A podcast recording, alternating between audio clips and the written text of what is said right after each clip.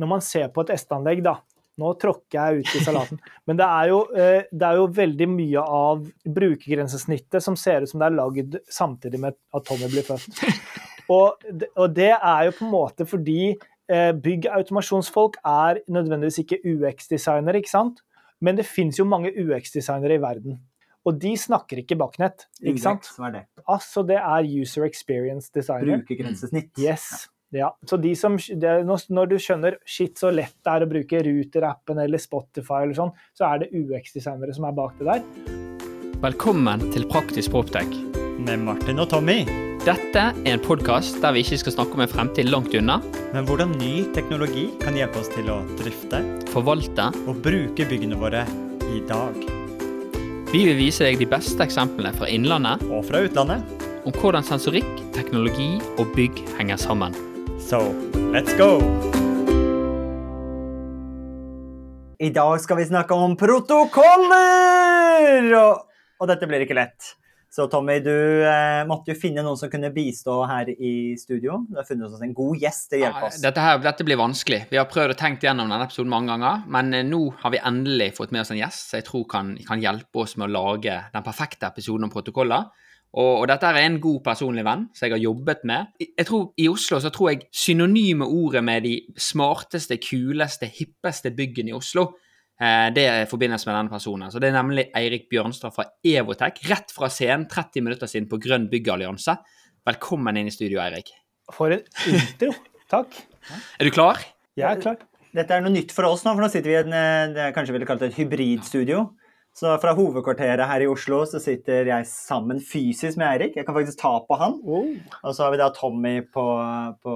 Hovedkvarteret i Bergen. Ja, det er Ja. vestlandskontoret vårt. Så det er gøy å kunne møtes og prate om noe så nerdete som protokoller. Så er det jo godt å bli kjent. Jeg vet jo at dere er godt kjent, men eh, både jeg og lytterne er jo litt uh, uvitende om denne her eh, enigma som sitter foran meg her i studio. Jeg har fått en liten clue fra Tommy, da. At jeg skulle nev nevne Mansions Rentals. Hva sier det deg? Altså, er dette her hvor vi satt en litt for romantisk eh, eh, sånn eh, trehjulsbil i eh, Newport i USA, For å, Tommy? for å gjenoppleve dette, så har jeg sendt bilde til Martin. Så hvis Martin viser Mac-en Jeg sin har et Jeg vet ikke om vi tør å legge dette ut på shownotes, men Der ser jeg en veldig ung Hagenes. Oi, oi, oi. en, en veldig liten bil, bil. Er det plass til to stykker nedi denne bilen? Ja, det var veldig, det var litt, det var intimt. Jeg tror ikke det var ment for uh, folk som ikke var i et romantisk forhold å sitte oppi der sammen. Men det, det fant ikke vi ut før på en hjem igjen. Så var det sånn Alle som kjører denne bilen, de, de kliner mens de kjører. Det var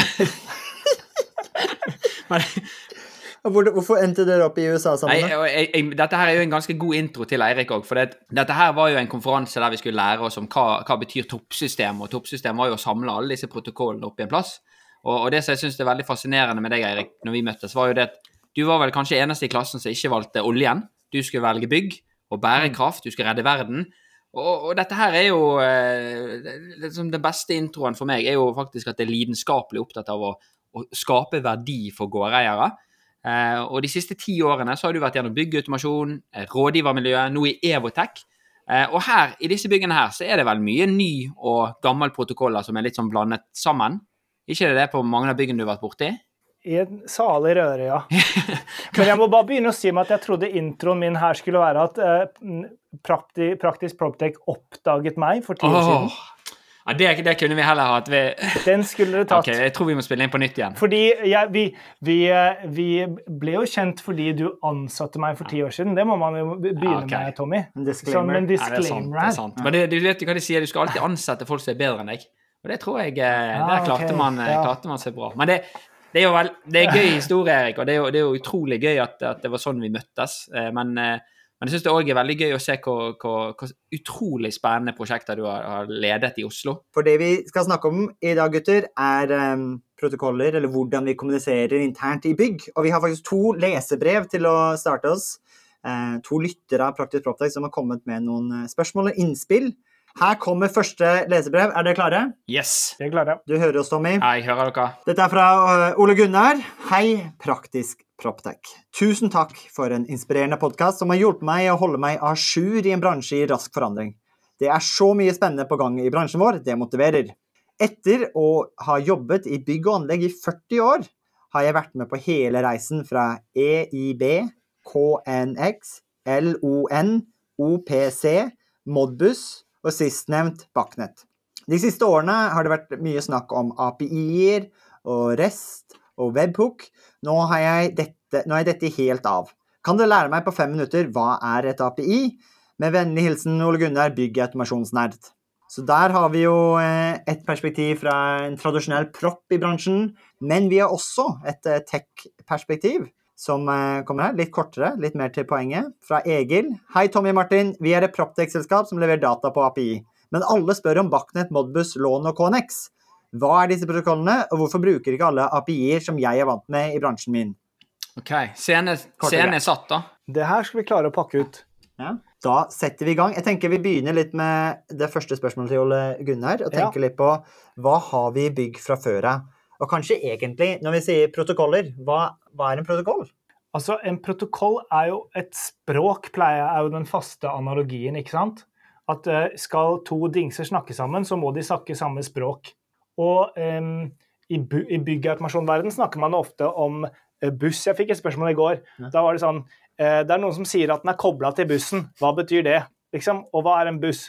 Eh, en buss, da, det er jo det googla jeg på vei inn her fordi jeg skulle høres fancy ut. Og det kommer faktisk fra latin. Omnibus, som betyr for alle. Mm. Og det er sant, et nettverk av ting som kan, hvor alle kan snakke sammen, er tror jeg tanken her. da, ikke sant?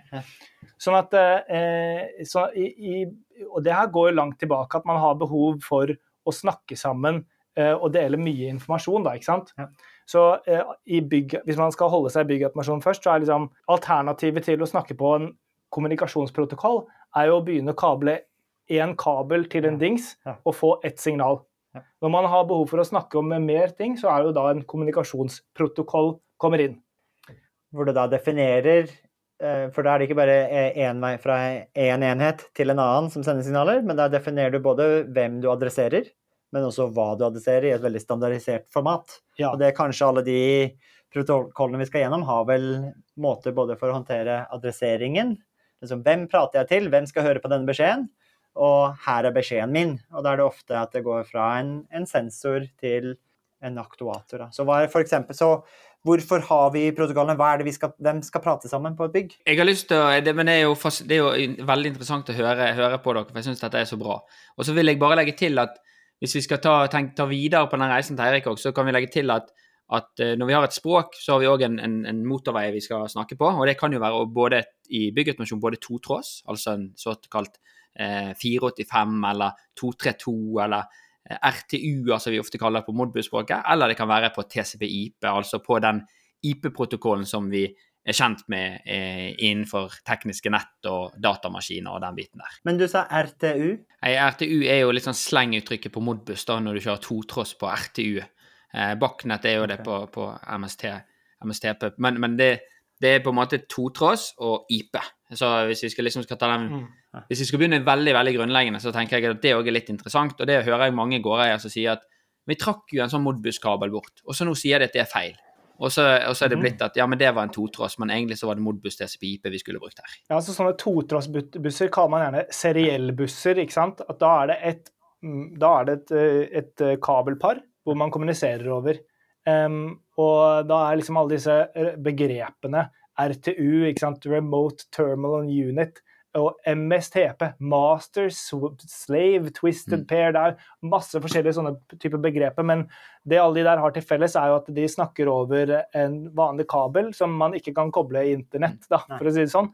Og så er det gjerne begrenset til å ha én kommunikasjonsprotokoll på én kabel. Så man Mm. trekker på en måte opp et veldig sånn um, lukka nettverk av ting som skal snakke sammen. Ja.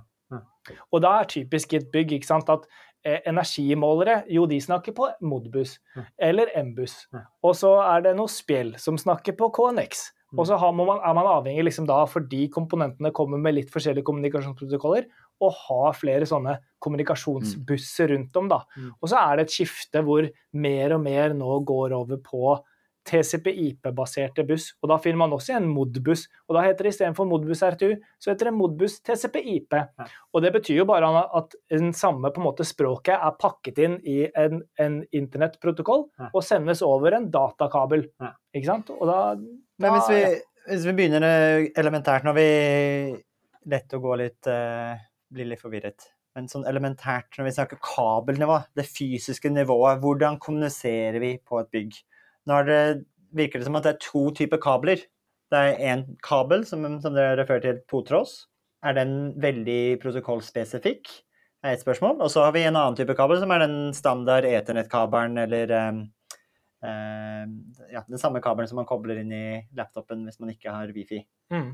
Fins det bare to typer kabler i automatikken? det, det, det er jo litt interessant, for det er gjerne forskjellige kabeltyper du skal ha mellom Modbus og, og Bachnet og, og, og KNX, for eksempel. Eh, så det handler litt på I, men ikke hvis det er på TCP? Nei, ikke hvis det er på TCP-IP. Da er det vanlige For da bruker alle akkurat Yes. samme kabel. Så det, og det er alltid litt vanskelig, sant? for du, du, du har ulik revolvering på kablingen, altså hvordan de er twistet sammen. Noen skal ha skjermet, noen skal ikke ha skjermet. Eh, så, så du må òg bruke det, det vil ofte virke, eh, men du må ofte bruke spesialkabler til de ulike bussene. Og noen busser, totråds, vil òg trenge en motstander. Altså, så da det, må du kompensere for kabellengde med å sette på motstander for å få dette til å bli perfekt.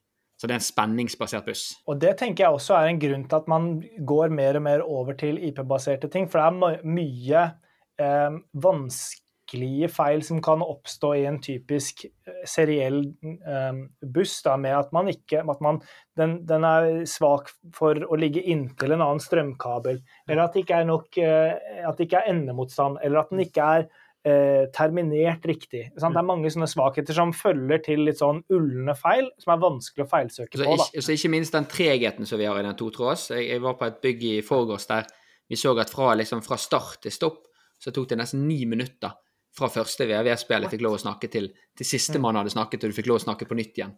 For det er en begrensning på hvor mye man kan uh, bandwidthen på det, eller hvor mange som kan prate samtidig. Ja, men det varierer også på protokoll til protokoll. For noen protokoller er at de først skal igjen liksom Den token, da, at nå skal jeg snakke, og så når jeg er ferdig snakket, snakke, skal nestemann snakke, og så må du vente på tur, og, Ja. og så videre. Så det er, jo, eh, det er mange interessante problemstillinger på, på totråds.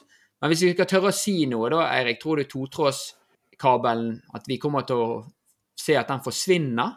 At vi går fullt over på TCP-IP? Det er jo spennende tanker, da, fordi det jo, går helt klart i den retningen at eh, TCP-IP-baserte protokoller tar mer og mer over. Men samtidig så er det jo en, en eh, litt sånn interessant bakside av den mynten. fordi hvis hver eneste temperatursensor eller aktuator skal ha et datapunkt, så er den også avhengig av å ha en switch Mm. og ganske mye nettverkselektronikk og ganske mye eh, kabel som har ganske høye krav. Da. Mm. Og da er det gjerne sånn eh, Det finnes noen eksempler hvor man kabler mellom komponenter også på TC-pipe, men stort sett så kabler man gjerne kanskje ett punkt fra én switch, og det drar jo med seg en veldig sånn en stor kostnad da, og et krav til veldig store tekniske nett. Og jeg ser jo det i de prosjektene jeg er i, hvor eksponentiell den veksten av datapunkter Mm. til teknikk i bygg er. Um, så der tror jeg mange har en sånn eh, ikke-budsjettert post som plutselig kommer som en sånn aha-opplevelse. At oi, må jeg inn med en halv million kroner i switcher i bygget mitt som jeg ikke hadde budsjettert for plutselig. ikke sant? Det er jo litt med kabellengde òg, for det, det som du sa nå, Erik, er jo kjempespennende hvis du tenker på eh, aktuatorer som styrer radiatorvarme, sant? der du har masse bortover hele veien. Og med en buss så kan du gå ta, ta fra den ene til den andre og gå hele veien rundt. Ja. Eh, mens, mens på en sånn TCP-IP-buss så måtte du stort sett i hvert fall gå fra ene inn til datarommet. Fra neste inn til datarommet. Um, så, så er glad at Ja. den bussen har jo, har jo sine fordeler òg, med sånn kabellengde og, og Og det med fordeler og ulemper er jo ganske interessant, um, fordi sant, du har mange De har jo alle en historie og er lagd for noe, ikke sant. Eh, Så det her med hastighet er jo noe som Man har kanskje designet en buss for å gjøre noe på å kommunisere ting som kanskje ikke trengte å kommunisere ganske ofte, og så har man begynt å bruke den til ting som trenger å kommunisere ganske ofte. Eh, og det ser man typisk sånn For å ta KNX, da, ikke sant. Så, eh, eller det her KNX, eh, det er jo da Jeg tenker vi må gå gjennom alle disse protokollene. ja. Så, er hvert fall kjære lytter, som- hold med oss. Vi kommer til å definere alle de viktigste protokollene. Når jeg var elektriker for 5-20 år siden. Da het det EIB. Nå heter det KNX. Dette er det samme. Okay. Ja.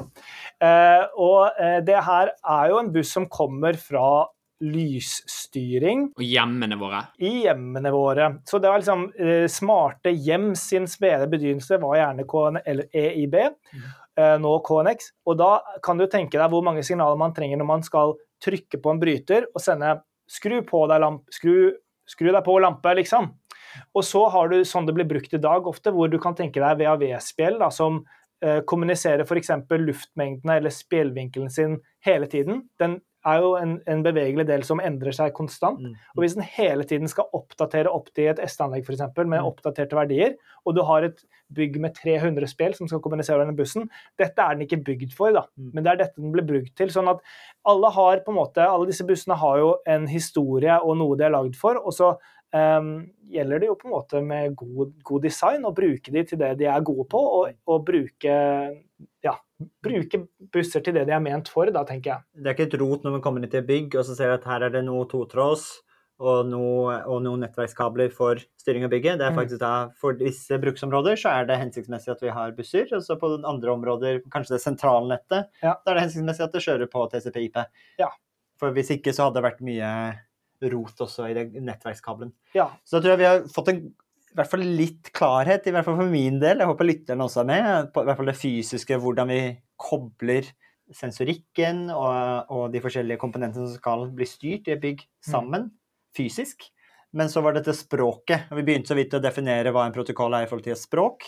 Eh, og de Ole Gunnar nevner, som er de tradisjonelle Du har allerede vært inne på EIB og KNX, så Mhm. det var nytt for meg. Det er de samme. Så hadde vi LON, eller kanskje Lån. si lån. lån. Ja. Lån, Mhm. sånn som man får fra banken. Eh, så hadde jeg OPC, Modbus og Bachnet. Mhm. Er det alle språkene man har pratet på bygg de første, siste 40 årene? Det er nok Nei. mange, mange, mange mange flere enn det. Um, men, men det Er det de vi skal ja, jeg, prate tror, om? jeg tror de som vi skal Nei, jeg syns Eirik eh, forklarte KNX veldig, veldig bra. Uh, og det er jo Ja. kanskje det, det å bruke protokollene for det som er god for. Jeg vil jo kanskje dra det så langt og si at, at rådgiverbransjen drepte KNX fordi at man prøvde å copy-paste en TCP-IP-protokoll inn på en totross. Og så sier man her skal Ja. man bygge en buss som er med KNX fra det ene til det andre, med, med, med sånn at du må vente i kø. Og så skal han være Vi skal se live data hvert femte sekund. Eh, og det er ikke han laget for i hele Ja. tatt. Men det som, det, hvis vi skal fortsette i 30 sekunder på KNX, da, Ja. så, så tenker jeg også det som er med KNX, er jo at den er veldig rådgivervennlig. Fordi eh, sant, KNX den har eh, En av de tingene som er på en måte kjepphesten til KNX, er at den er desentralisert. Så det er veldig lite sentral kontroller som styrer alle komponentene. Hver enhet vet hvem den skal snakke med. Du må på en måte programmere det sånn. da. Og det betyr at egentlig den er um, Så lenge du følger KNX-standarden, så kan alle KNX-komponenter snakke med hverandre i teorien. da.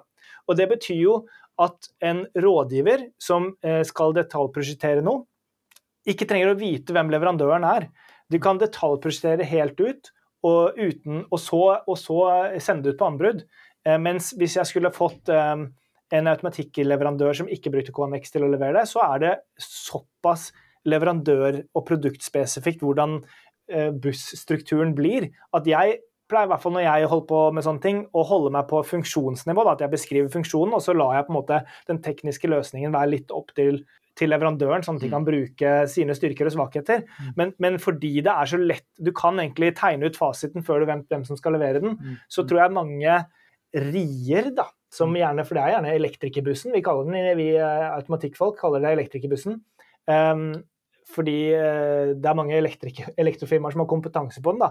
Så de, da kan man egentlig prosjektere ut hele greia og sende den på anbud og, ha, prosjektere ut fasiten med en gang. Da. Så det tror jeg er også derfor man har, at den har blitt så utbredt. Jeg tror det Hvis jeg skal være litt bad cop, da, så kan jeg ta de, de tingene som jeg ser er litt negative. Um, og det ene med den er jo det at du må jo ha en software, og du må ha en sånn USB-dongel i PC-en din for å få lov til å, å programmere på den. Som er ganske dyr Mhm. årlig lisens for å få lov å ha ETS som er programvaren. Eh, men men det, Ja. det, det største problemet det fikk jeg faktisk erfare fra en, en gårdeier eh, som har et stort hus. som kom innom Proptech Bergen i, for, for to uker siden. Så sier han denne KNX-en, jeg blir ikke klok på den. For det er hver gang det skal komme noen fra det selskapet og gjøre en endring, så kommer de, gjør endringen, det virker kjempebra, men plutselig virker ikke østfløyen min. Og så kommer de tilbake, og så virker østfløyen, men da ble plutselig det som skjedde før, der slettet. Og det er litt det med at den ETS-filen Du har en fil som er på en måte den nyeste programvaren. og Hvis ikke du er kjempeflink å ta backup av den og starte prosjektet med den nyeste filen hver gang, så kan du ende opp med at hvis det er to med forskjellige mennesker, så kommer du ut med to forskjellige filer, og plutselig er det et hull i halve bygget ditt. Med at oi, den endringen Så overstyrer den alt. Ja. Og det der er jo dritgammeldags, da, ikke sant. Så, så det er mange svakheter her. Og vi, men hvis det skal være en balansert podkast her nå, og ta de på sidene òg, så har det kanskje det største produktsortimentet i verden, da. Sånn at du, har, du får jo veldig mye ganske pene komponenter hvis du er opptatt av estetikk. Så det er jo en Og du kan skifte ut, Ja. du kan vel skifte ut en bryter med en helt vilkårlig bryter, ikke sant? Eh, Så det er veldig lett å serve i ettertid. også. Uten å måtte programmere den? Nei, du må, du må programmere. Men, men hvis du tenker byggautomasjon, så er det ofte sånn at hvis du leverer et Honeywell-system eller noe sånt, så må du gjerne bruke Honeywell sitt utstyr. Og når det ryker, må du ha nytt Honeywell-utstyr, så gjerne samme leverandør og litt sånn. Men på KNX så kan du, Ja. Så lenge du har tatt vare på den filen din, den siste versjonen, så kan et annet selskap veldig Ja. enkelt komme inn, fjerne den enheten, legge den til, og programmere den opp. Men Så- ligger ikke den filen på bygget? Eller ligger den utenfor? Er det, er det han som programmerte opp bygget som har denne filen liggende hos seg, og så må den, den må bli brukt som grunnlag neste gang man gjør en oppdatering? Eller kan man kjøre på det bygget og laste ned fra kontrollene på bygget? Nå er jeg veldig spent på Eirik sin erfaring her, men min, min erfaring har vært at den filen ligger som oftest hos det elektroselskapet. Og forhåpentligvis kanskje litt godt lagret, men ikke alltid. Så eh, to, to ting, da. No? Så, sånn KNX funker egentlig hvis du plugger deg på uten, uh, uten filen. Så tror jeg det fins uh, programvare for å laste det ned, på en måte, men da vil du se sånn 0 slash 10 slash 13 skal Ja. kommunisere med 1 slash Du får ikke 14. Så i filen ligger at det er temperaturføler X som skal snakke med aktuator Y. Ja. Sånn at du er helt avhengig av den filen for å på en måte fortsette på det. da. Ikke sant? Sånn at hvis vi skal avslutte KNX-delen av denne podkasten med en anbefaling, så er det eh, krev å få ETS-filen som eh, dokumentasjon. Krev å få ETS-filen, og med det Og, og, ikke, og ikke tro det er en raspus. Det vil jeg bare legge til. Hvis du bruker KNX, bruk den med de egenskapene. Tillat at han er treig, eh, og ikke push data hele tiden. Eh, få change of value-verdi istedenfor når endre- verdien velger, endrer seg. Så var det to anbefalinger på Connex. Han er ikke rask, og få filen. Ja. Men sånn som du beskrev Connex nå, at du som en rådgiver så trenger du ikke å tenke på hva leverandøren er, og du kan spesifisere opp. Ville ikke det vært det samme hvis det, det var Bachnet man brukte? Trenger man bare vite hvilken komponenter som ble brukt hvis man skal bruke Bachnet? Så kan vi bruke det som en Segway inn til å prate om Bachnet. Ja, nei, okay, det er ikke sant, fordi Bachnet er jo det byggautomasjonsbransjen har på en måte samla seg rundt som på en måte den ypperste standarden om dagen. Eh, Men det er liksom alt til sitt bruk. Eh, Man har jo, Jeg vet ikke om dere på Praktisk podkast har dekket dette med liksom disse forskjellige automasjonslagene man snakker om i byggautomasjonsverden, men man snakker gjerne om feltnivå. Altså der man har temperaturfølere, aktuatorer og liksom sensorikk. da.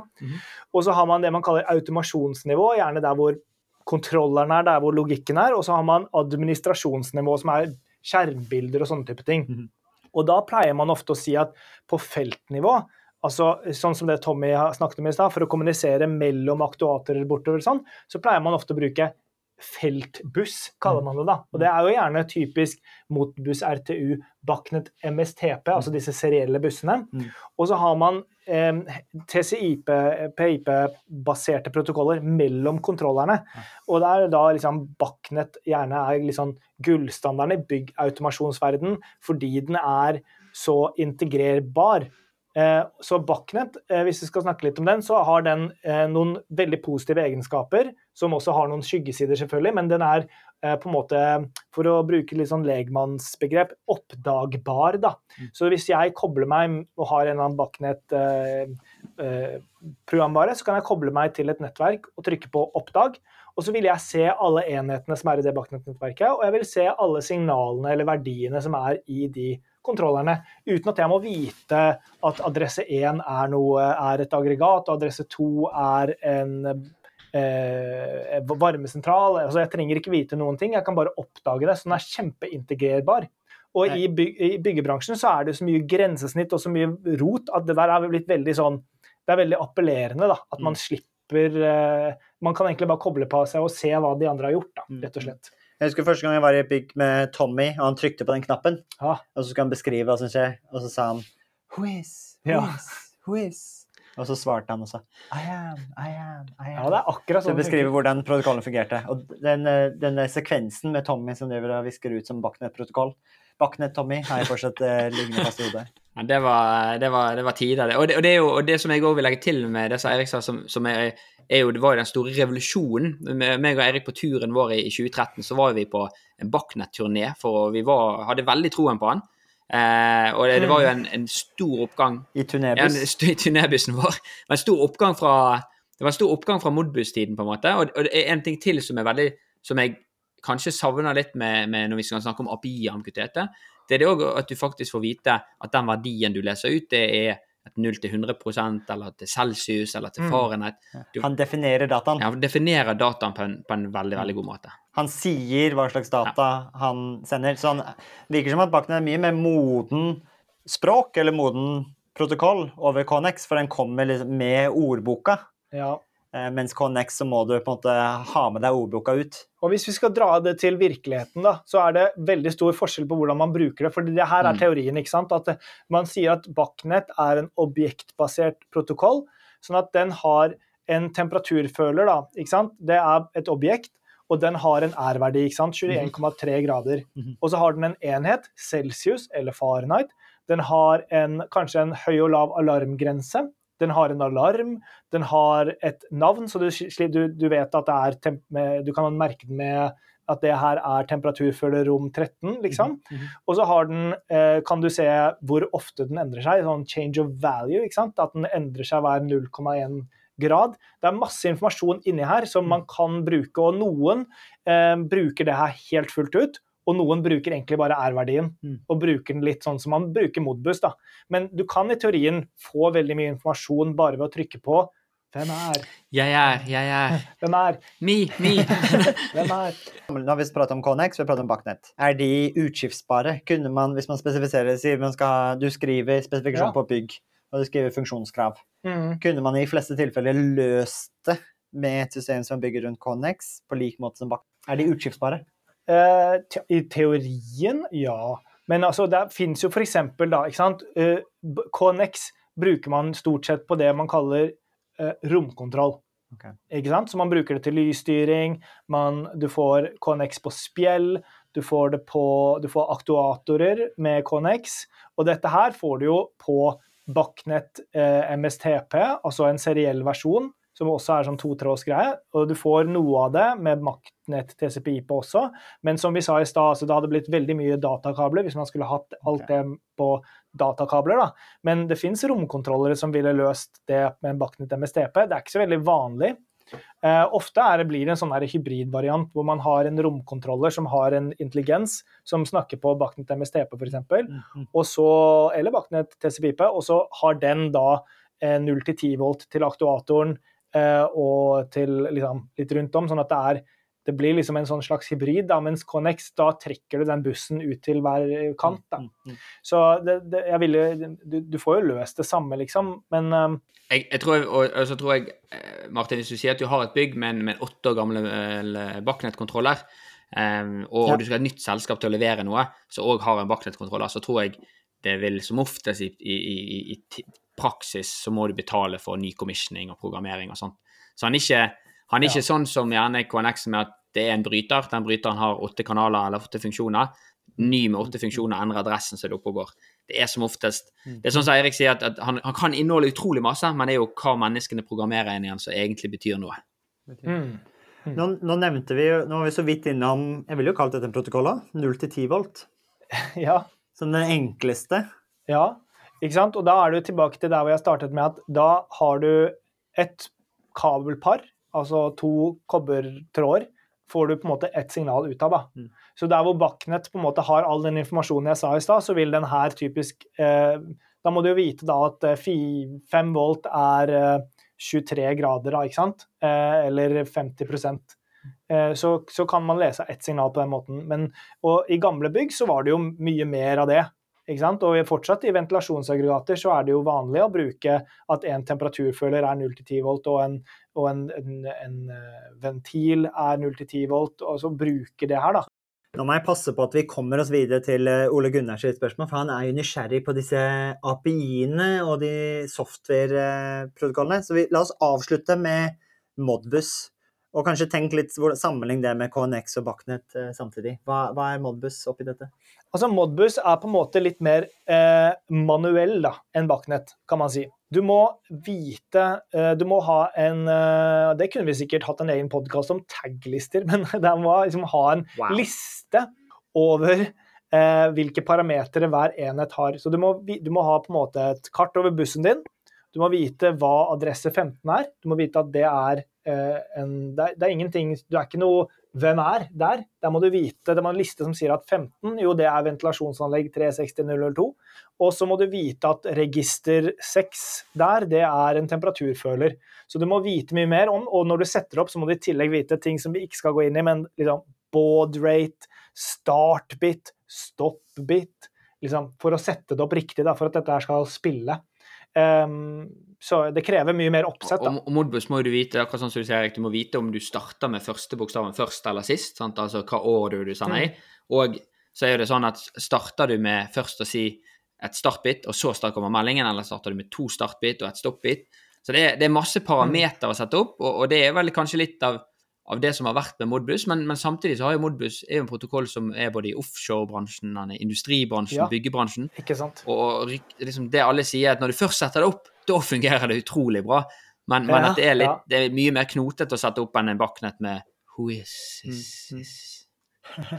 Fordi det er viktig å si at KNX eh, og Bachnet og eh, disse her, det er jo eh, veldig sånn byggautomasjon, byggprotokoller, som man bare bruker i byggebransjen, egentlig. Mm. Mens Modbus den finner du igjen i andre bransjer også, så den er ekstremt utbredt. altså. Men eh, historikken her, sånn som eh, hvis jeg tar sammendrag KNX begynte som for lysstyring, Mm. og som nevnte Tommy mest for hjem, hjemmebruk. Det er, jeg tror Erik sa det bra med spede begynnelse til smarte hjem, kanskje. Eh, og det var Mm. brytere og, og det lys å få det av og på, og faktisk òg mye på kjøkken.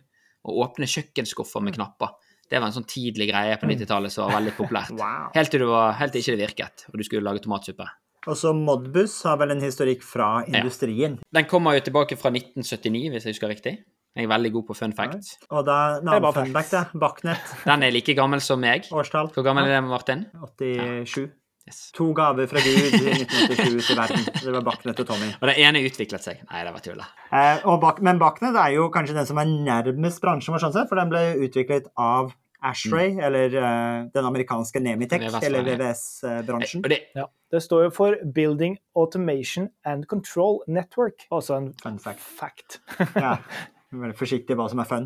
Bakknett kom jo skulle være liksom eh, gaven til byggautomasjonsverden. Og, og jeg, jeg må jo si at i 2012 så hadde jeg kjempetroen på det. Jeg vet ikke om du var med når vi tok tyskkurs i Bakknett, Eirik, eller om det var før du hadde begynt?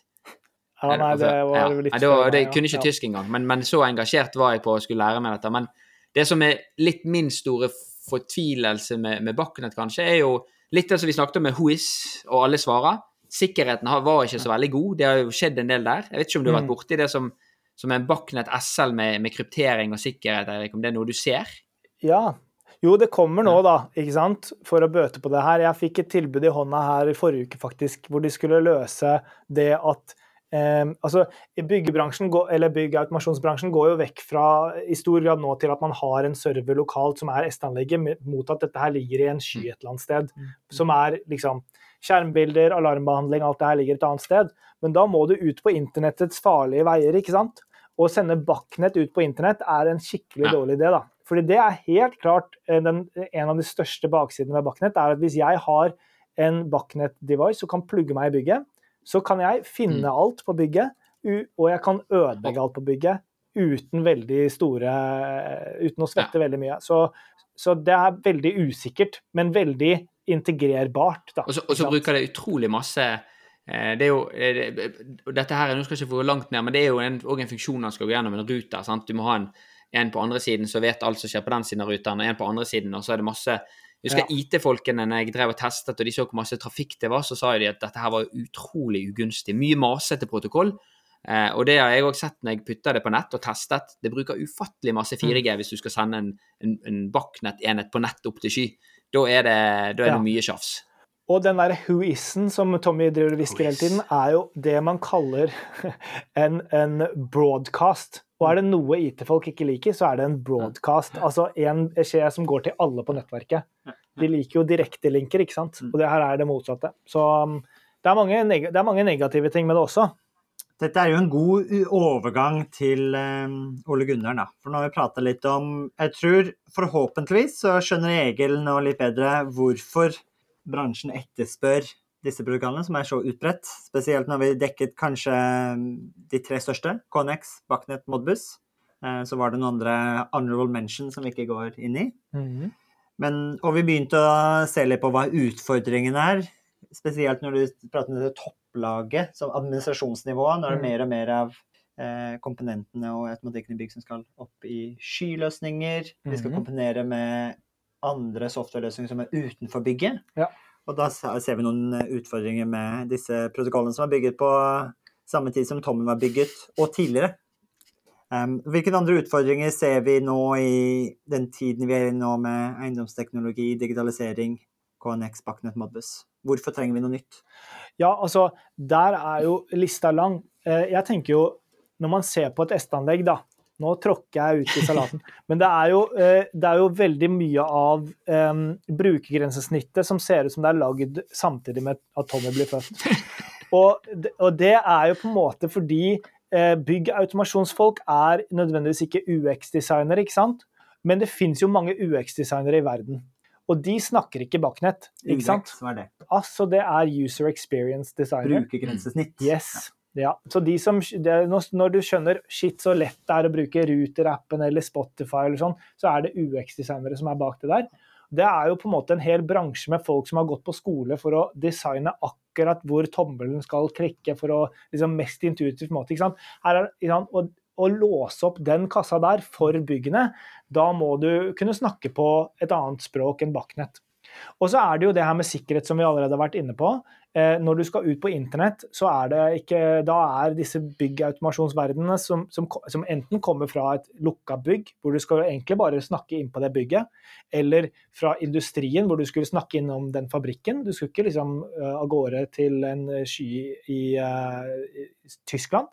Um, så da er det andre ting som er egna, da. ikke sant? Og da kommer man inn på andre protokoller. Og så er det jo masse med andre ting, f.eks.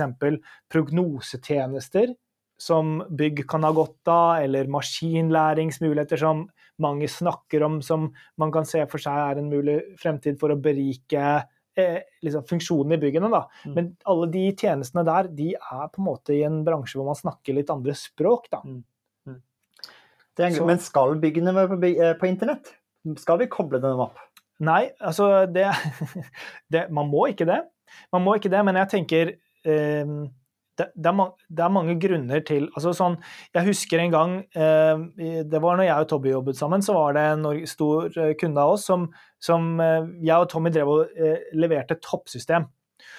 Og, det var, og Hovedgrunnen var at det skulle være på en måte et felles brukergrensesnitt for alle vaktmesterne. og De skulle ikke, de var så lei av at de hadde en egen bok som de kalte Bibelen, som bare var brukernavn og passord for å komme seg inn på de forskjellige S-anleggene rundt om. Sånn, at, sånn som det har blitt nå med de fleste byggautomasjonsentreprenører, er jo at du kan gå sitte på Bahamas eller på Tøyen på laptopen din og trykke inn på Google og trykke på st.et eller annet og komme deg inn på bygget ditt. Da. Det er på en måte det som er på en måte 2022-forventningen. Um, og for å få til det, da, så er jo typisk dette her i en sky som blir passa på etter alle best practice, og da må liksom kommunikasjonsveien mellom den skyen og bygget være god. da. Så Den store utfordringen er å få dataen ut av bygget opp til disse skyene, til å kunne få til både bedre brukeropplevelser, men også fjernovervåkning, fjernoppfølging og fjernstyring av byggene. Ja, Og da viser det at de protokollene vi har nå, ikke er sikre nok, skalerbare nok. Eh, Er ikke, de ble ikke utviklet på en tid når internett fantes. Og da er de heller ikke bygget for å kunne kommunisere på den motorveien eh, som er på internett. og de ble, ikke ut, de ble liksom ikke bygget med tanke på at det var nødvendig å snakke på noe internett. De skulle bare snakke på nett. Og her ville jeg òg tenke, Martin, når vi møttes For det, da, eh, da var jo det en, en ung og lovende kar som hadde noen kule sensorer. Så tenkte du hvordan, hvordan skal disse her egentlig kommunisere med bygget vårt? Og jeg husker når jeg nevnte eh, i, tilbake, og så sa jeg kan de snakke på Backnet? Så sa du Backnet, hvorfor det? Og så begynte du å lære meg om API og sånt. Så, så det er jo, jeg tenker det er jo et viktig faktor med at det som er på bygget, skal gjerne opp. Men òg kanskje litt at det sitter en del Proptech-selskaper der ute som har masse kule utstyr, dingser, eh, mennesketelling, alt mulig, som vi kanskje skal få inn i dette bygget på en eller annen måte òg. Yes, helt riktig. Og da, det, det tok jo oss litt tid før vi begynte å prate samme språket, Tommy. For vi skjønte jo til å begynne Det er ikke bare bergensdialekten som er For du sa get, og jeg sa who is. Det var Ja, ja, du drev og sa who is, Hele tiden hver gang jeg kom Who is, who is, who is, så sa jeg Get. Get post Ja. Ja. Mm. Get, Nå ble get, veldig, nå ble vi veldig nerdige, men nå er, jo det, nå er vi inne på API-ene, med hvordan, hvordan får vi data Ja. ut av her. Men det syns jeg er litt interessant, at den kontrasten som eh, vi prater om, er at det er eh, disse tradisjonelle protokollene, og så er det API-er, og så prater vi om åpne API-er. Men hvor, Ja. hvorfor, hvorfor denne ordbruken? For i mitt hode, et API står jo for eh, Application Programming Interface. Egentlig en protokoll for to softwareløsninger til å kunne prate med hverandre. Så hvis liksom, man definerer hvordan vi skal kunne prate sammen, så det er eh, forutsigbart. Spesielt at det er mange forskjellige systemer. Da. Egentlig at man publiserer sånn kan du prate med meg, her er min, mitt språk, og så er det visse regler rundt det. Og så Ja, det fordi den, den grunnleggende Så egentlig- hensikten her er det samme. Ja, og jeg ville nesten sagt at både Connex, Baknet og Modbus på sett og vis, det er jo API-er de òg. For de er jo til for at forskjellige applikasjoner kan prate sammen. Men jeg, jeg skjønner når vi prater i byggebransjen og si, prater om API-er, så er den kontrasten så er det REST-API-er og, og webhooks og MQTT er vel kanskje de spesifikke protokollene vi prater om, da. Jeg, jeg, jeg, jeg tror det du sier akkurat om at, at, at vi Og det inkluderer liksom meg sjøl i 2013, jeg skulle skrive litt kravspekk og sånn, så, så visste jo ikke vi bedre. Sant? Vi visste at vi skulle ha et API, og så fikk vi høre at ja, men et API kan jo være eh, det kan jo være et, et et API du ikke kan snakke med. Ja, Da må det være et åpent API. Og ja, hva språk skal det være, da? Og så lærte man seg til at dette Jason-formatet, eh, det var liksom det man skulle få det ut i. Hvordan du skulle liksom lese ut disse dataene. Så jeg tror nok, jeg tror nok masse av de rare spørsmålene som du har stilt meg, Martin, og sagt, hvorfor står dette her, og hvorfor er dette sånn, det er, det er nok litt at det er en ny verden for, for alle oss propper, egentlig. I hvert fall, for min egen del, Eirik, så har jeg lært ut mer på disse tre årene om API enn enn resten av livet mitt. Og, og eh, det har vært en bratt læringskurve. Så jeg vet ikke, Hvordan har din reise vært Ja. inn i API-er og webhook og Jason og MQTT? Nei, altså utgangspunktet mitt var jo det jeg sa i stad, at her må byggene snakke med noe greier oppe i skyen, og skyene må snakke litt med bygget for å låse opp de mulighetene det har. Eh, og så har jeg vært litt sånn herre kommet dit at jeg tenker på det av og til, så for å overleve hverdagen så forenkler jeg ting. Og da tenker jeg nettopp som Martin sa, at det her er jo det samme. sant? Det er bare nok en protokoll å snakke på. Eh, og så er det sånn i byggebransjen at noen liker KNX, noen liker Bakkenett, og noen liker Rest. Og det er fordeler og ulemper med alt her, da. Sant? Så, eh, så, så husker jeg, har jeg også vært, eh, skrevet mange spekker og gått reisen fra å si det skal være åpent API, det skal være Rest API, det skal i hvert fall være åpent API, og, liksom, så betyr det absolutt ingenting egentlig, ikke sant? Um, og det er vanskelig. Så jeg kommer tilbake til liksom det der med intensjonen. Hvorfor skal vi snakke sammen? Hva skal vi bruke det til? Og her er det jo også, sånn som på bygget, fordeler og ulemper mellom webhook, REST-API og MQTT også, oss- ikke sant? Og, det tenker jeg at det må vi nerde litt ut i. Og jeg har en liten sånn digresjon, da. For jeg, jeg gikk jo i den smellen, og der vi på en måte med Baknet, der du har en Baknet-testing, du vet hva du får. Det er, en, det er en kontroller som har gått gjennom en sertifisering, sånn det er kanskje en BBC. Det vil jo si at du kan hente ut både trender, alarmer og alt dette som du nevnte i sted, Erik.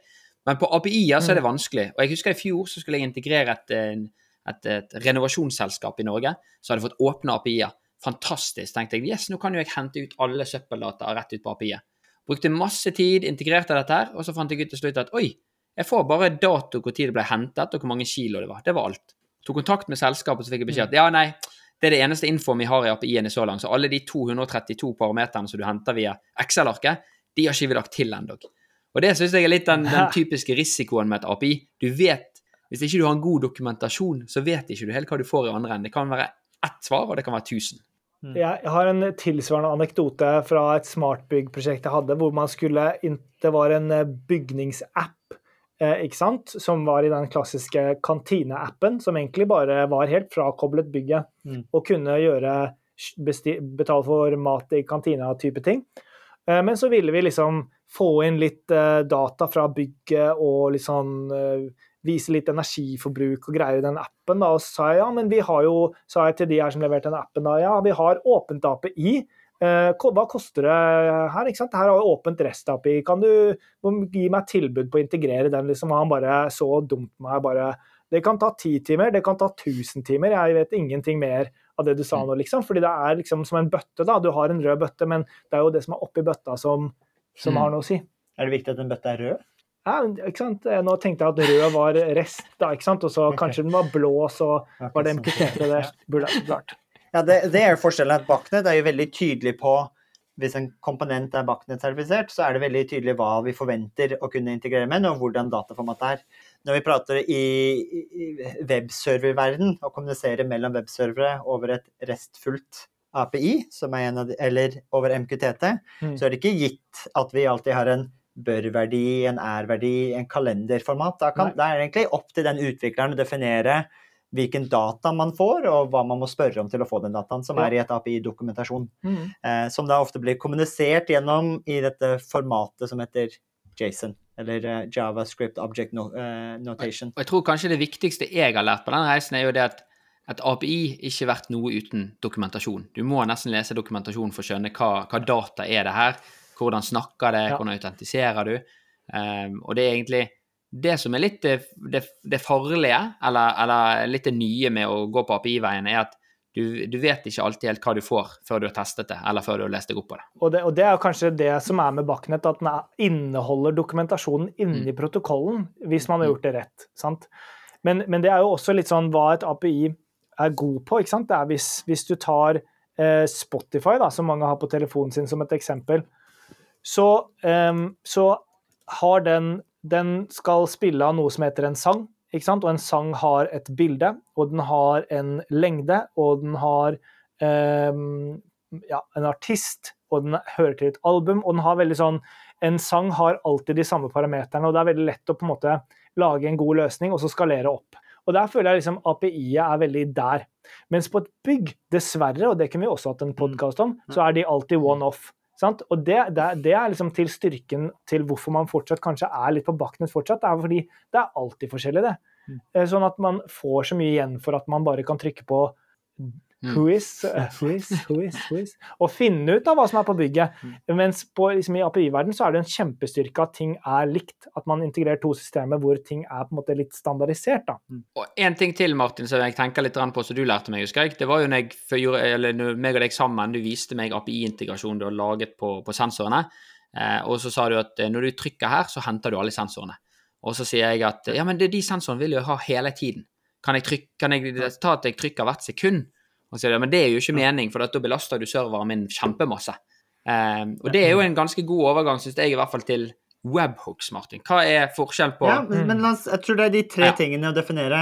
REST-API, MQTT, Ja. webhooks. Og prøve å gå inn i ny- nyansene så gjør det litt strukturert. Kan vi ta webhooks eh, etter REST-API? For jeg tenker MQTT den er, eh, det er en bra avslutning.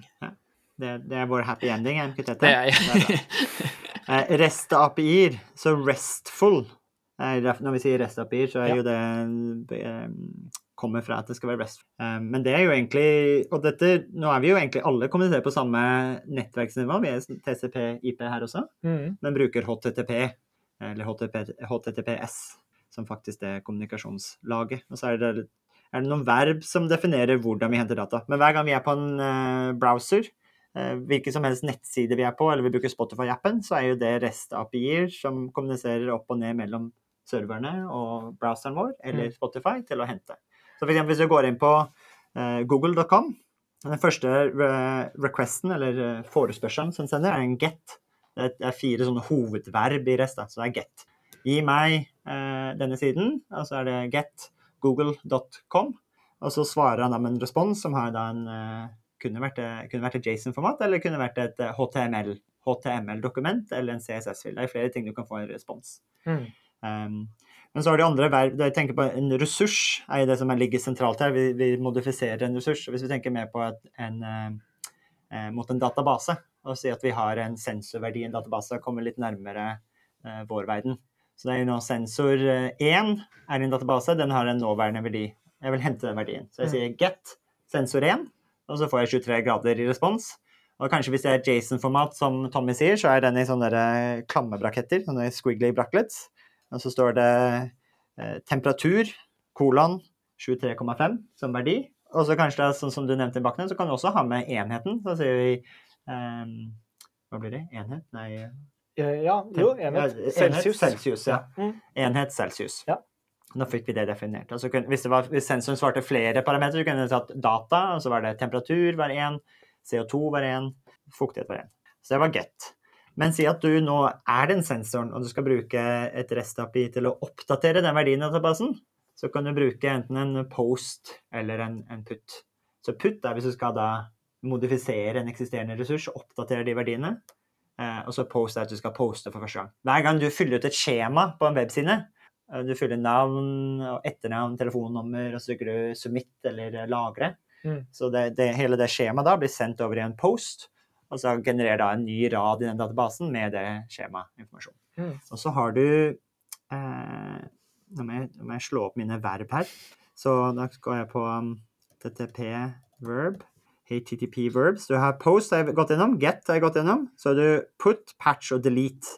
Delete sier jo seg selv Mm. hvis man skal slette en ressurs. Altså patch versus put. Det husker jeg ikke selv engang, så kan vi google her. Live. Altså jeg tenker Det her illustrerer jo kanskje litt sånn bruksområdet til det. da. Mm. Fordi i, i byggautomasjonsvei, i Ja. byggebransjen, så tenker du sånn, sånn som du sier, du, du, du sier get, Ja. og du får 23,1. Ja. Og så eh, kan du jo si at det, eh, den endrer seg jo ikke så fort, en temperatur i et rom, men det er jo ting i et bygg som endrer seg fort. F.eks. kanskje en luftmengde eller et eller annet sånt. Eh, og da er det jo kanskje det er jo da vi ofte snakker om Eh, Og det, har vi jo, det er jo viktig å være innom også på byggautomasjonsverden. Det her med at en protokoll kan eh, på eget initiativ oppdatere. Ja. Såkalt eh, change of value. At når jeg har endret meg mer enn 0,1 f.eks., så skal jeg sende en oppdatering. Mm. Og sånn er Backnet, Mm. f.eks. Mens eh, Modbus, den må du polle. Altså du må spørre i en gitt frekvens hvert sekund eller hvert tiende sekund eller hvert minutt. Eh, hva er du? Hva er du? Get, get, get. Get, ikke sant? Er Restful sånn? Det stemmer, men det er en veldig god overgang til webhooks. Yes. som egentlig er eh, rest, men i speilvendt. Aha. Så når, når, du, når vi er en get, så er du en klient, og så spør du serveren get den verdien. Så for hvis du skal, en sens, hvis du skal sjekke temperaturen eh, hvert 50 sekund, så sender du get hvert 50 sekund. Mm. Get temperatur på den ressursen. Get temperatur på den ressursen. Men du vil jo, hvis du kun vil vite når noe forandrer seg, så snur du rundt på det. Så setter du opp en webhook, en, en hook, en krok, Krok. som motsatt side. Så sier du istedenfor at jeg som klient skal gette fra deg, kan du gette fra meg når noe forandrer seg. Ja. Eller poste blir det da. Ja. Så når, da sier du til den ok, her er min server, her er min IP-adresse, her er min adresse. Send meg en beskjed hvis noe forandrer seg. Da har vi satt opp en webhook, og så er det da serveren som isteden som uh, sender meg en post når noe har skjedd. ja. Det, så egentlig uh, REST-API-er og webhooks er det samme. Vi bruker de samme kommunikasjonsprotokollene, de samme språkene, de samme HTTP-verbene. det er bare hvordan det er satt opp, hvem som prater mm. Mm. hvem. ja. Det eneste ulempene som jeg eh, og, og jeg husker når du lærte meg dette her, Martin, med webhooks, tenkte jeg yes. Altså, this is, this is the future of backnet. Sant? Det var liksom, Da har vi change of value, vi har alle disse tingene her. Ja. Men den, den nedturen min med Webhawk det er jo at dette fungerer utrolig bra når du kommuniserer fra sky til sky, eh, eller, eller noe på det nivået der. Men med en gang du skal ned på en liten boks nede på, på bygget, så må vel du, hvis ikke det er helt feil, Martin, så må du ha HTTPS for å få dette til å fungere med de, med de fleste leverandørene ute. sant? Må... Det må, men jeg ville, jo ikke, jeg ville uansett ikke brukt noe annet uten S-en, som Nei. er sikkerheten. Nei.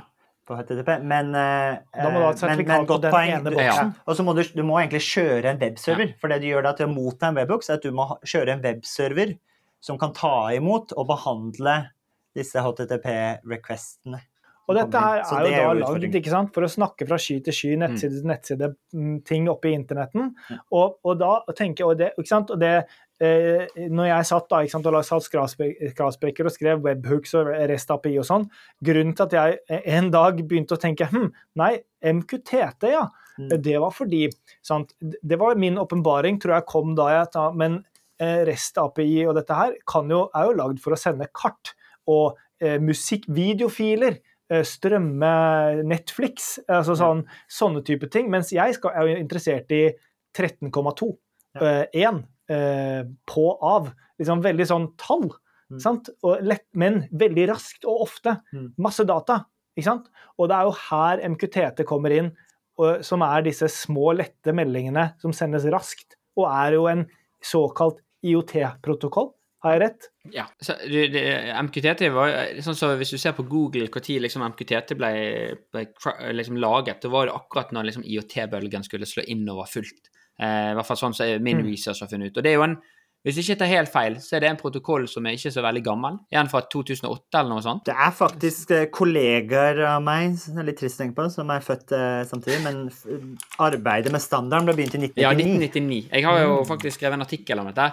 Og så var det IOT-bølgen som som kom i 2008. Det var da liksom det største biblioteket kom. Nå har vi gått eh, REST-API-er, webhooks, som egentlig er to sider av eh, speilvendt sak, samme sak. Så har vi MQTT, message, queuing, telemetry, transport.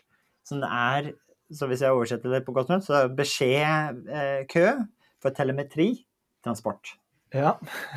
Så det er jo som, nettopp som du sier, mye mer lettvekt Ja. enn HTTP-request. Det er mye overhead, det er mye ekstra dataprosesser som foregår til å få til en HTTP-request. Den er mye mer lettvekt. Ja. Og så har den mulighet til å kjøre publish and subscribe. Yes. Så begynner vi å komme litt tilbake til den who is og what is, men at du faktisk kan da definere mye tydeligere hvem er det som skal få den dataen, uten at de må spørre om den. Så egentlig det beste er både Backnet og Webhook sånn sett. da.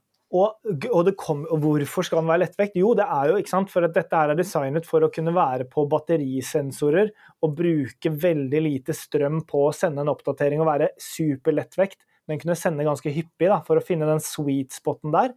Så det er da MQTT kom inn. da. Og det ser jeg nå i gode, gamle byggautomasjonsverden, at flere og flere produkter, selv om kanskje ikke alle automatikkentreprenører har begynt å ta det i bruk, men produktene de bruker, begynner nå å støtte MQTT. Og flere også ser jeg måten de løser sin på en måte sky-SD-anlegg-løsning. Så Mm. har de en eh, node, da, en boks på bygget, som snakker baknett Mm. til alle dingsene, men ut på internett, opp til skyen sin, Mm. MQTT. Mm. Og vi så jo også det i USA tidligere i dag, eh, nei, ikke tidligere i dag, tidligere i år, Tommy. Ja, det, det er jo, det, ja, når vi var på Niagara Summit, så var jo faktisk Og det er jo Niagara-estanlegget er kanskje det som er mest utbredt i Norge. De, de hadde jo en storsatsing med MQTT. MQTT er, er her. Når det er native støtte i 4.8 eller 4.7, Niagara 4.7 framover, så er det native støtte for MQTT. Og, og i 4, 11 og 12 så var det støtte for MQTT mot, mot skytjenester sånn som Ashore og Amazon. Og det, det vil jeg òg legge til. Bare to, to sånne, en fun fact til. Da. Men når vi gjorde det prosjektet med å sende en Bachnet-enhet ut på nettene, og, et, og eksporterte et ventilasjonsanlegg til energi, så brukte den 8 gigabyte i måneden i datatrafikk. En samme enhet på MQTT brukte 8 megabyte.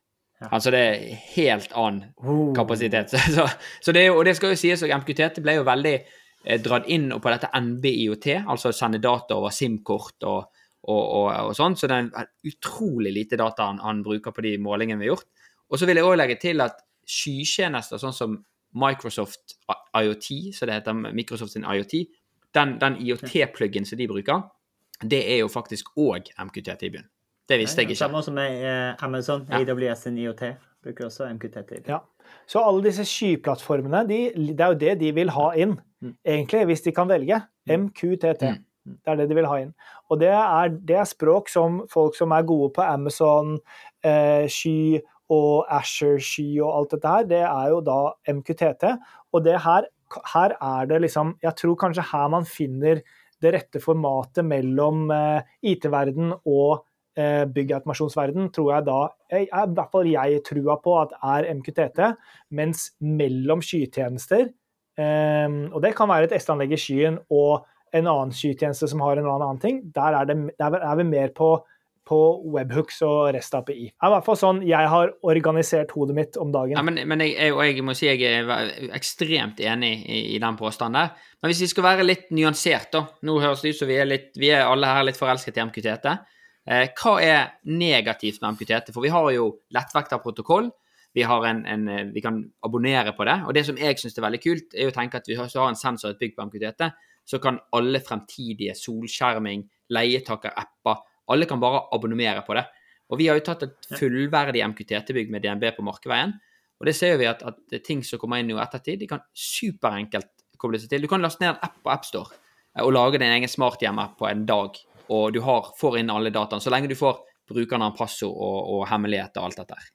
Men fordi her jeg mangler litt praktisk erfaring da, til dere to som kanskje har jobbet litt mer med det, er liksom der hvor Backnet eh, hvor jeg slipper på en måte å vite så mye om bygget, fordi jeg kan trykke på 'who is', eh, og så, så får jeg svaret. Eh, må jeg ha en lang liste og vite at den, den, den der, det tallet jeg får ut der, det er egentlig en temperaturføler? Altså er det sånn, fordi sant, Det vi har snakket om før, Tommy, er liksom engineering time. Hvor fort er det å plugge på et bygg mm, og mm. lage en løsning? Må, og dessverre så er liksom ikke Det er lett for Tibber å lage en integrasjon mot en Tesla når Teslaen alltid er lik, Ja. men du klarer ikke få Tibber til å integrere mot et næringsbygg, fordi alle næringsbygg er helt forskjellige. Mm, Sant? Det er jo en, det er et kjempeproblem, egentlig, men da må det være integrerbart. Jeg, jeg trenger litt hjelp fra Martin for å svare på dette. Men det første jeg vil si, er jo det at det er kanskje den eneste svakheten som jeg ser med MQTT, er det at eh, i, i all hovedsak så kan du bare eh, så, så, så kan sånn default så vil han bare sendt deg masse verdier, og du mister dette med bør-verdi, sett-verdier eh, og alt dette her. Så er det noe som heter Homemade Convention på MQTT, som er et eget prosjekt eh, på GitHub, som, der de prøver å putte det på toppen. Men så har vi på dette prosjektet som snakker om på Markeveien, der har jo vi en flink fyr, en ITB-koordinator som holder i dette, her, Asbjørn Morland i Amtec, som hadde på en måte laget en, en bra kravspekk på hvordan dette skal være, sånn at vi har definert alt riktig. Og hvis ikke det er helt feil, Martin, sånn som du sa i, i sted, du kan jo bygge opp en Jason-format på MQTT til å faktisk kunne vært nesten helt lik, lik baknett hvis du hadde ville. Kunne ikke du det?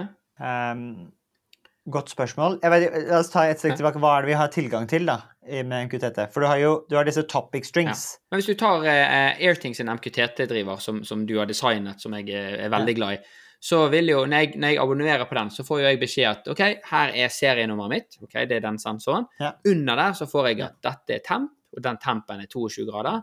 Dette er fuktighet, den fuktigheten er så og så mange grader. Altså Du har med navn, du har med full struktur, du har til og med med når den ble sendt sist. Du har ganske masse ekstradata som ikke du nødvendigvis trenger å ha. Nei, sånn sett, så sånn sett kan du jo Men det, det fordrer litt, og det er det vi mangler, er vel en god standard. Det er flere som prøver på dette her nå. Hvordan skal vi definere Hvordan skal vi standardisere hvordan vi kommuniserer? F.eks. Haystack har vi også prøvd å komme inn på dette her i USA, på hvordan vi skal definere datastrukturen, bl.a. på MQTT, protokolluavhengig. Ja. Men det er ikke den samme hvordan Det kan jo godt tenkes at jeg kaller temperaturstrengen i Airtings kaller vi det en temp. Ja. Og så en annen leverandør kaller det en temperatur, temperature. Ja. Og så en annen kaller det T. Ja. Så det er, ikke, eh, det er ikke noe samskjørhet i hvordan vi strukturerer den Jason-strukturen som man sender. Så selve dataformatet man sender ut, er en sånn Jason-objekt. Ja. Og den som kan være flere nivåer dyp, hvor du kan definere, legge mye informasjon. Så det fordrer litt at man setter opp, men det å, det å integrere det mot Airthings MQTT-en, Disruptive Technologies eh, MQTT-en eller en annen MQTT. Det er ikke gitt at det kom, du kommer ikke til å få data i akkurat samme format. Du må lage en transformer eller en template eller en over, oversette det til Ja. eh, ditt språk uansett. Da. Og det er da, ikke sant, det er bra med Airthings, for den er alltid lik. Når jeg vet, at, vet hvordan det er å integrere Airthings, men vet jeg hvordan det er å integrere bygg A, B og C, det vil alltid være forskjellig. Og det inneholder igjen en underskog av forskjellige produkter. Så det er også spørsmål her, ikke sant. Og det her um, er jo en idé til en egen podkastepisode også, da. Men um, ikke sant, skal du ha én node som er liksom bygget som du integrerer, eller skal du gå ned på underkontrollere som, hvor det er mer, altså et aggregat er mer standardisert? da. Og det er jo prosjekter også, eh, som f.eks. Real Estate Core, eh, Brick Schema og sånn, som prøver å standardisere hvordan data eh, ser ut ut fra bygg, sånn at man kan lage tjenester som plug and play, da. Er liksom visjonen. Kobler seg på bygg, hvor du kan lage en tjeneste som bare snapper på bygget. Men da det er veldig mye jobb som skal til for å liksom komme dit. da. For da er vi inne på noe så Ikke vi skal gå for dypt inn i dag, men, men i dag når vi merker bygg, så går vi for noe som heter tverrfaglig merking. Og det også, jeg husker jeg har vært sånn erkjennelse. Sant? Når du har et Modbus-punkt, så er det veldig greit å ha et tverrfaglig merking på det. Men, men når du har, når du har eh, serienummeret, og du kunne brukt tags på og sagt 'vis meg alle temperatur' istedenfor, så er det helt klart at det er en egen dialog. Og hvordan skal vi merke komponenter for å kunne bruke disse nye protokollene på en, på en enkel måte? Vi har nok løst mye. Både til å få det sikkert ut av bygget på en skalerbar måte som ikke bruker altfor mye internett. Men det er nok det å sørge for at vi har tunga litt i munnen, og sørge for at vi kan eh, forstå hvilken data vi tar imot, og standardisere litt. da. Også TF, eh, tverrfaglig merkesystem, er jo flott eh, standard eh, for så vidt et språk, eller i hvert fall en fremgangsmåte hvordan vi strukturerer dataen i Norge. Men det hjelper ikke når vi skal også prøve å bruke leverandører og systemer som er utenfor Norge. da. Og det er jo eh, altså like mange dialekter av TFM som det er byggherrer i Norge. Så det er jo eh, så, det, så det er jo på en måte heller ikke en idiotsikker plan, da, tenker jeg. Men med det, gutter, føler jeg at vi er kommet til veis ende. For nå har vi gått gjennom både de eksisterende byggprotokollene, de nye contenders. Både Ole Gunnar og Egil, you should be happy now. Skal vi avslutte denne episoden? Jeg tror, jeg tror vi må det, ellers så kommer vi aldri til å stoppe. Eh, men jeg håper jo at Det, det er jo, må jo også si at det er vanskelig å, å prøve å få dette forståelig på kort tid, når, når det er protokoller som du gjerne bruker årevis på å lære deg godt opp. Så jeg håper i hvert fall vi traff overflaten, og hvis, hvis vi traff overflaten, så må jo vi kanskje det, få med oss Eirik en gang til å gå i underflaten.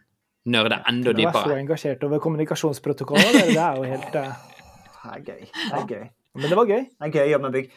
Eirik, tusen takk for at du kom inn i vårt uh, hybride studio. Takk for at uh, jeg fikk uh, invitasjon. Og med det er nok en episode av Praktisk Proptech over for denne gang. Mitt navn er Tommy. Og jeg er Eirik. Og mitt navn er Martin, og dere har nettopp hørt på Praktisk Proptech!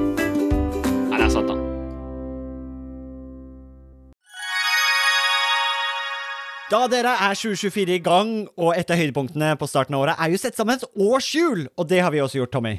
Ja, Akkurat nå sitter jeg og ringer rundt 25. og 26. april, for da skal vi på FTV-kongressen. Og det blir litt ekstra spesielt i år, Martin. Det var jo veldig spesielt i fjor òg, for jeg husker det vakre øyeblikket når eh, du og Magnus fra FTV-kongressen eh, preiket sammen og egentlig unnfanget og satt sammen en god idé. Og det var jo invitasjonen til eh, Proptech-dugnaden, som også blir et høydepunkt i år, ikke sant, Magnus, på FTV-kongressen 2024. Jo, det stemmer det. Vi setter godt med plass eh, i år til, eh, til dugnaden. En god og sprø idé for å sette praktisk proptech ut faktisk i livet og vise hva vi får til, ikke bare fortelle. Det var, jo, det var jo veldig gøy, for jeg husker da jeg skulle pitche dette til deg, så tror jeg du avbrøt meg og bare sa 'vi er med'.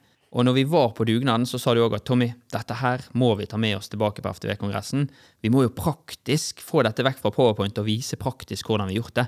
Og det syns jeg blir litt spesielt i år, at det blir jo for meg en liten reunion av det som skjedde der ute. Men, men eh, FTV-kongressen er vel mye mer enn en, bare en reunion òg. Jo da, det er en møteplass for eh, FTV Norge, og vi ønsker å skape det til en, en god møteplass for FTV Norge, som, som tross alt tar vare på Norges største fastlandsnæring. Og da skal vi da skal vi ha en god arena å møtes for å se på felles eh, utfordringer og problemer, men ikke minst hvordan vi kan løse ting fremover. Og så blir eh, dugnad en sånn eh, bekreftelse på hvordan vi faktisk eh, kan gjøre det, istedenfor å stå og bare høre om hvordan vi kunne ha gjort det. Det er veldig kult. Og januar er jo en gavemild måned, så hvis du brenner for bedre drifting av bygg, så kan du få med deg en liten eh, rabattkode her også, så møtes vi kanskje 25.-26. april på Tung kongress Gardermoen, og den rabattkoden er ikke vanskeligere enn Praktisk Proptech med små bokstaver og uten mellomrom. Praktisk Proptech. Praktisk proptek små bokstaver, ingen mellomrom, ett ord. ftvkongressen.no, der ser du programmet, det blir oppdatert i disse dagene, og så møtes vi i april. Vi ses! Vi ses!